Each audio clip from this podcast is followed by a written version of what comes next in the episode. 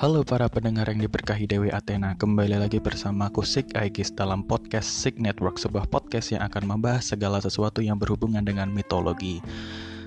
Nah, di dua episode podcast kemarin banyak sekali masukan-masukan namun yang menjadi headlineku ada dua poin. Yang pertama adalah masalah sound yang kekecilan.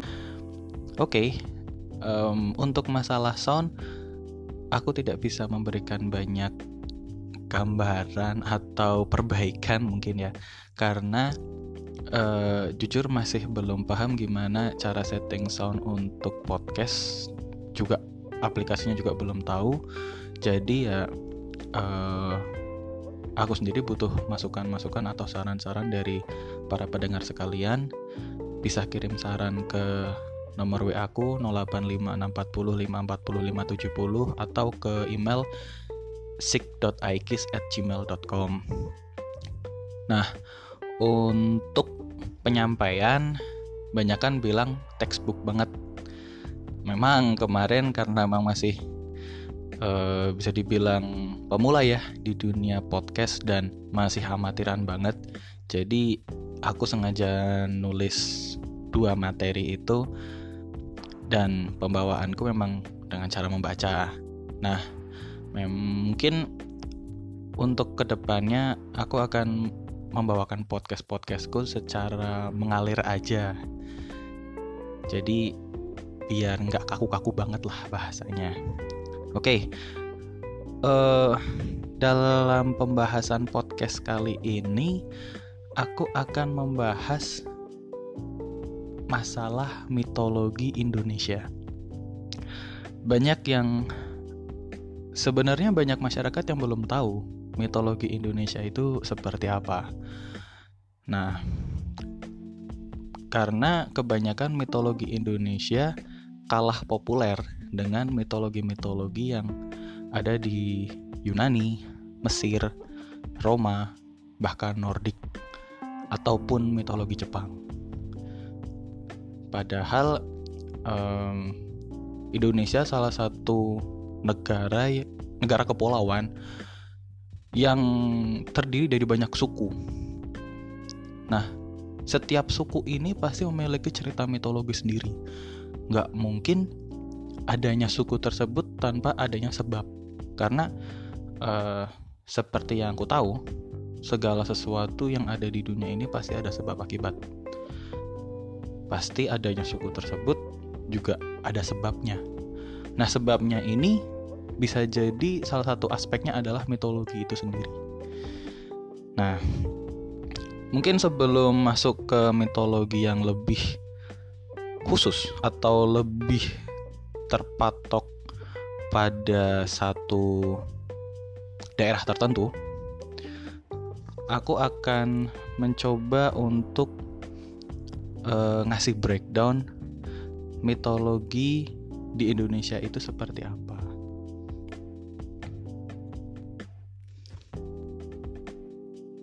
Nah,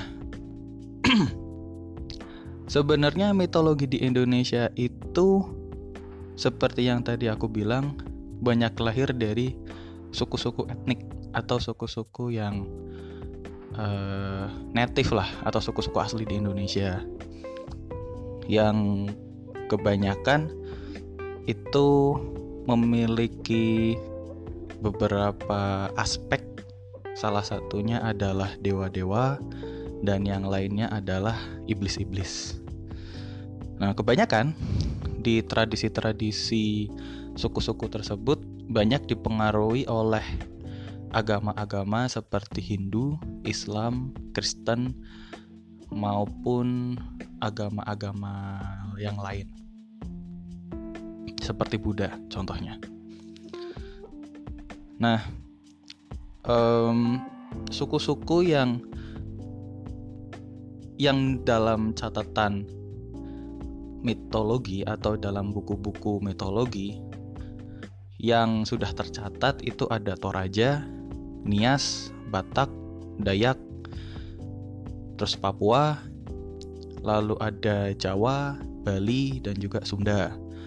Namun untuk region Jawa, Bali, Sunda ini banyak banyak banget dipengaruhi oleh mitologi dari agama Hindu dan Buddha. Contoh yang paling banyak pengaplikasian ajaran uh, dewa-dewa Hindu itu ada di kisah Ramayana dan Mahabharata yang kebanyakan diadopsi dari mitologi aslinya. Nah, tapi dalam konteks mitologi di Indonesia sendiri, Indonesia pun juga punya mitologi yang tidak diadopsi dari um, Mahabharata atau Ramayana, seperti contohnya Nyi Roro Kidul. Bisa dibilang Nyi Roro Kidul ini memang native gods atau dewa aslinya di Indonesia lah. Atau dewi aslinya di Indonesia. Karena Nyiror Kidul kan perempuan bukan cowok kan. Nah native gods ini uh, tidak punya padanan. Nyiroro Kidul ini tidak punya padanan di atau originnya di India. Nggak punya padanan. Beda kasusnya kayak uh, Dewi Sri yang punya padanan dengan Lasmi walaupun sebenarnya beda jauh sih antara Dewi Sri dan juga Lasmi secara konteks bahasa ya. Kalau memang ini saduran, seharusnya namanya Dewi Lasmi bukan Dewi Sri. Karena kayak uh, karena kita sendiri juga tahu kalau Wisnu itu kan bukan dari native-nya Indonesia, bukan asli Indonesia, sorry. Dan padanannya di Indonesia pun juga namanya Wisnu, nggak ada perubahan nama di situ. Sama seperti Siwa. Siwa ya kalau di Hindu Indianya juga Siwa, tapi kalau di Indonesianya juga Siwa. Karena Siwa ini satu entitas yang sama. Meski dibawa di Indonesia, meski diceritakan di Indonesia. Dan meski uh, meski di me, sorry meski cerita Siwa ini ada di Indonesia, tapi originnya kan aslinya dari India sono, gitu loh. Nah untuk kasusnya Dewi Sri ini Kenapa di Indonesia namanya Dewi Sri Ketika di India sana masih namanya Dewi Lasmi Jadi di sini aku bisa memberikan gambaran bahwa sebenarnya Dewi Sri itu yang asli dari uh, salah satu dewi dewi padi yang asli di Indonesia, bukan dari saduran uh, agama lain. Nah, ada yang lain itu seperti Semar. Semar itu sebenarnya punakawan kan. Ada Petrok, Gareng, Bagong. Nah, Pet uh, punakawan sendiri ada di Mahabharata. Mereka itu bisa dibilang badut pelayan badut de, untuk Pandawa. Nah, tapi untuk Semarnya sendiri ini masih tanda tanya karena Semar tidak ada padanannya di uh, Mahabharata sendiri. Orang tidak ada yang mengenal Semar di India. Sementara di kita kita mengenal Semar, khususnya oh, khususnya orang-orang Jawa yang kenal Semar. Nah, untuk penyebutannya sendiri yang menunjukkan uh, higher being lah ya atau dewa-dewa gitu. Di sini ada dewa, ya berarti dewa. Terus dewi itu devi. Sorry, kalau dewa itu devas, kalau dewi itu devi, kalau dewata ya devatas. Nah, untuk yang biasanya sih kalau di eh, biasanya kalau di mitologi Indonesia disebutnya Batara. Kalau cowok disebutnya Batara, kalau cewek disebutnya Batari. Nah, beda kasusnya ketika di mitologi Filipina. Di mitologi Filipina itu penyebutannya adalah Batala dan Diwata. Hmm. Nah, itu cerita eh, mitologi yang dipengaruhi oleh agama Hindu Nah, sementara kita tahu bahwa di Indonesia sendiri perkembangan mitologi itu dipengaruhi oleh banyak agama. Bukan hanya Hindu, tapi juga Islam.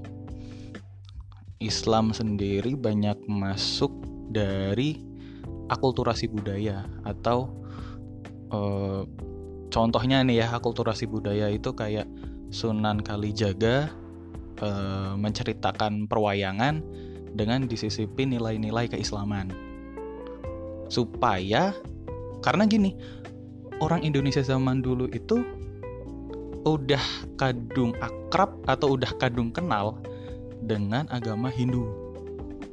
Nah, untuk supaya mereka menerima ajaran agama Islam yang notabene masih baru, uh, Sunan Kalijaga ini membuat sebuah cara, yaitu pengenalan ajaran agama Islam dengan menggunakan wayang, supaya orang-orang ketika diceritakan kisah-kisah perwayangan ini, mereka mendapatkan nilai-nilai keislaman.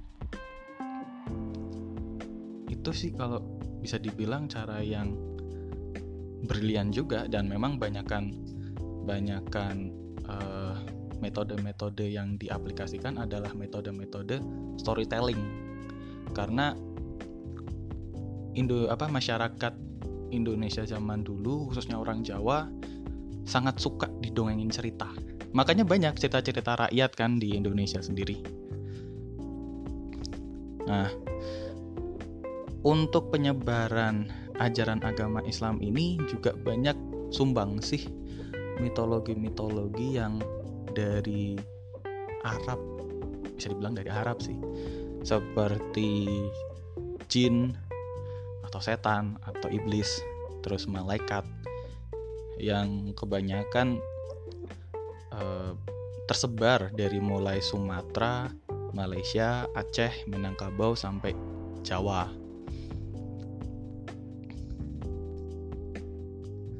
Nah, sebenarnya bisa dibilang penciptaan mitologi di Indonesia itu tidak 100% dari Indonesianya tetapi banyak dipengaruhi oleh agama-agama lain dari luar Indonesia yang akhirnya dianggap atau akhirnya menjadi bagian dari identitas uh, masyarakat Indonesia sendiri atau mitologi Indonesia sendiri. Padahal um, ajaran mitologi itu ya sebenarnya bukan ajaran mitologi sih.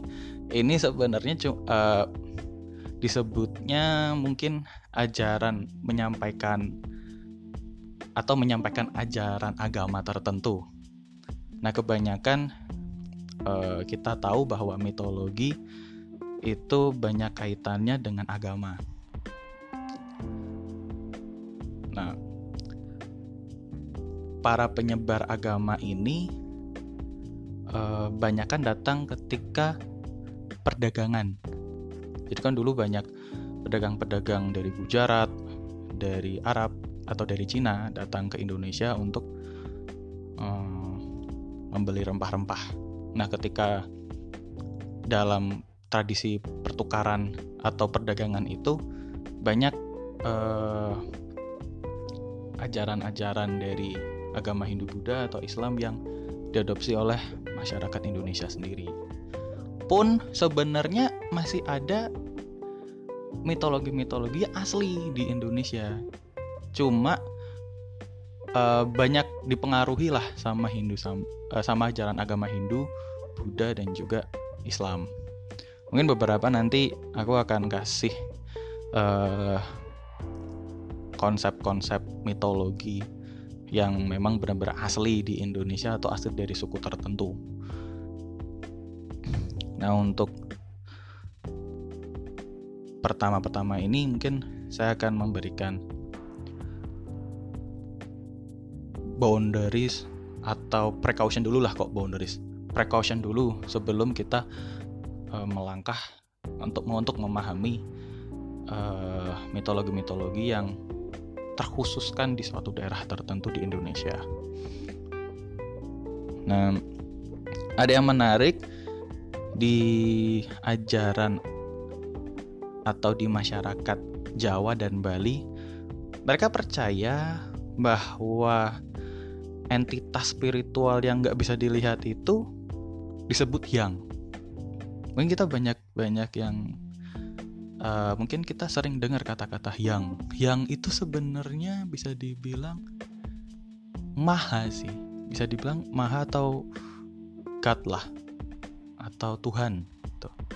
sosok yang sangat divine gitu. Sangat ancient sangat kuno sangat agung. Nah mereka disebutnya yang nah yang ini atau kata-kata yang ini banyak ditemukan di ajaran agama Sunda Wiwitan, lalu Kejawen, dan juga Hindu Bali. Sang mungkin kalian pernah dengar kata-kata yang itu di Universitas Parahyangan di Bandung kan ya. Sebenarnya kalau hi, uh, Parahyangan itu berarti bisa disebutkan para itu banyak, yang itu Tuhan, an itu sebuah uh, apa ya penekanan, berarti banyak banyak Tuhan. Ya mungkin lah ya mungkin, sok tahu banget sebuah. Nah terus kita membahas, kita mulai membahas di pulau mana nih enaknya ya? Hmm, oke. Okay. Mungkin aku akan kasih cerita satu pulau di Indonesia yaitu Pulau Sulawesi. Nah, di episode sebelumnya kan aku pernah bilang bahwa penciptaan penciptaan dunia itu beraneka ragam. Salah satunya yang kebanyakan aku tahu itu berasal dari jatuhnya hewan-hewan dari punggung naga. Itu kalau nggak salah pernah SD itu diceritain gitu. Kalau kalau dulu gajah itu nggak punya belalai, tapi gara-gara dia nahan nafas ketika jatuh dari punggung naga dan menghembuskan nafas panjang itu nggak sengaja ngemanjangin belalainya dan sebenarnya ular tuh punya kaki. Cuma karena pada saat jatuh dari punggung naga, terus kakinya ini uh, tidak bisa menahan beban di ketika mendarat di bumi, kakinya ini patah atau berdarah atau rusak. Akhirnya ya melata nggak punya kaki. Terus kayak badak, badak awalnya nggak punya cula, tapi karena uh, kepalanya kebentur sesuatu ketika mendarat di bumi kalau nggak salah rah taringnya atau gigi serinya gitu ya nusuk hidungnya sampai keluar cula. Makanya kita semua tahu bahwa badak sekarang punya culanya itu gara-gara mungkin ceritanya seperti itu atau gajah belalainya panjang juga gara-gara cerita itu. Ya mitologi memang tidak bisa kita anggap 100% benar, tapi setidaknya cerita-cerita mitologi ini bisa menggambarkan kondisi masyarakat saat ini atau sejarah pada masa lampau. Ada satu cerita di Sulawesi bahwa penciptaan dari Pulau Sulawesi sendiri atau mungkin Indonesia lah ya itu berasal dari babi rusa raksasa. Jadi ada sebuah gempa ketika babi rusa ini merasa gatal. Jadi ada gempa dulu nih, ada gempa terus si babi rusa ini ngerasa gatal. Lalu karena ngerasa gatal ini digosok di pohon palem raksasa. Nah, ketika digosok di pohon palem raksasa ini banyak eh, makhluk-makhluk yang berjatuhan dan ternyata mitos ini itu ada padanannya dengan mitologi Hindu yaitu Varaha yang merupakan avatar ketiga Wisnu yang mewujud menjadi babi hutan raksasa yang ternyata babi, babi hutan raksasa ini membawa dunia di punggungnya. Jadi gara-gara dia ngerasa gatel, terus gosok-gosok di punggung pal, eh, di pohon palem raksasa, kemudian pada berjatuhan dan terciptalah pulau atau terciptalah entitas pertama. Itu sih. Menarik sih sebenarnya kalau kalau memang ternyata penciptaan dunia itu berasal dari punggungnya hewan-hewan ini berarti selama ini uh, kita ngerasa bahwa kita itu hidup pada satu dataran yang sebenarnya bergerak. Jadi uh, konsepsi dasar atau konsep dasar bumi itu bulat itu sebenarnya nggak ada. Bumi itu bentuknya hewan. Oke. Okay. menarik sebenarnya. Nah uh,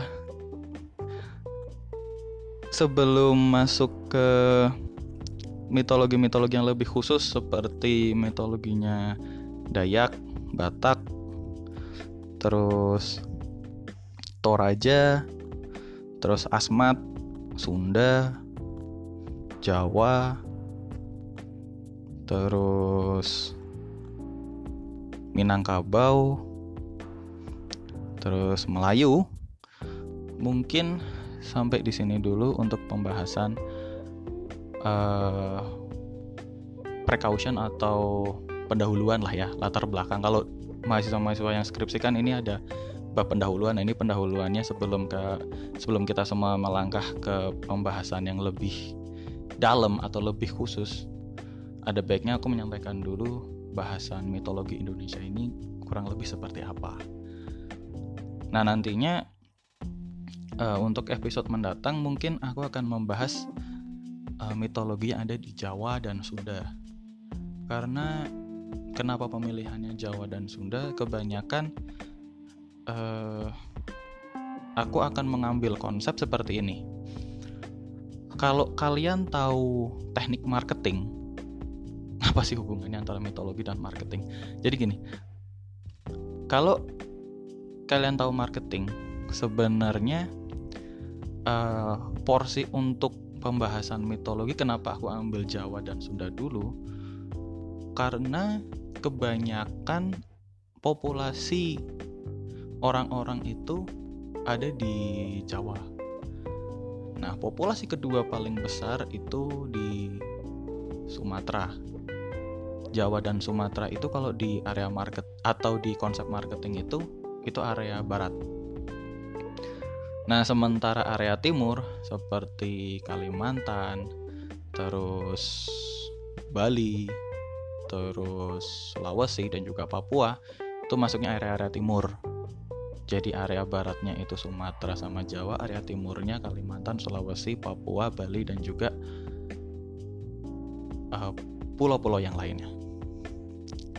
Nah, terus apa kaitannya dengan marketing? Ya nggak ada, cuma untuk uh, aku ingin membahas pokok pokok bahasan mitologi ini dari yang banyakkan penduduknya dulu sampai ke yang paling uh, yang paling sedikit penduduknya. Bukan apa-apa kan? Bukan apa-apa karena gini. Bisa dibilang mitologi di Jawa dan Bali eh di Jawa Sunda terus di Sumatera sorry mitologi di Jawa dan juga di mitologi di Pulau Jawa dan juga mitologi di Pulau Sumatera itu lebih banyak ragamnya dan secara tekstual memang banyak ditemukan di berbagai banyak referensi. Jadi akan lebih deep atau bisa lebih dalam kita dalam membahas mitologi-mitologi yang ada di Nusantara ini. Nah, untuk yang area timur kebetulan teks-teksnya masih jarang. Atau bisa dibilang masih belum bisa dibuktikan kebenarannya walaupun ini mitologi sih. Nggak bisa kita bilang segala sesuatunya benar atau 100% benar. Tapi setidaknya porsi pembahasannya itu uh, tidak semendalam yang ada di Jawa dan juga Sumatera. Jadi bukan maksudnya mendiskreditkan loh ya tapi uh, aku ingin membahas yang udah ada dulu atau sudah mendalam dulu pembahasannya sebelum membahas yang memang masih sebatas ya berita atau atau uh, atau membahas mitologi yang belum terlalu dalam pembahasannya. Ya, sekian dulu pembahasan dariku. Sampai jumpa di podcast-podcastku selanjutnya. Bye bye.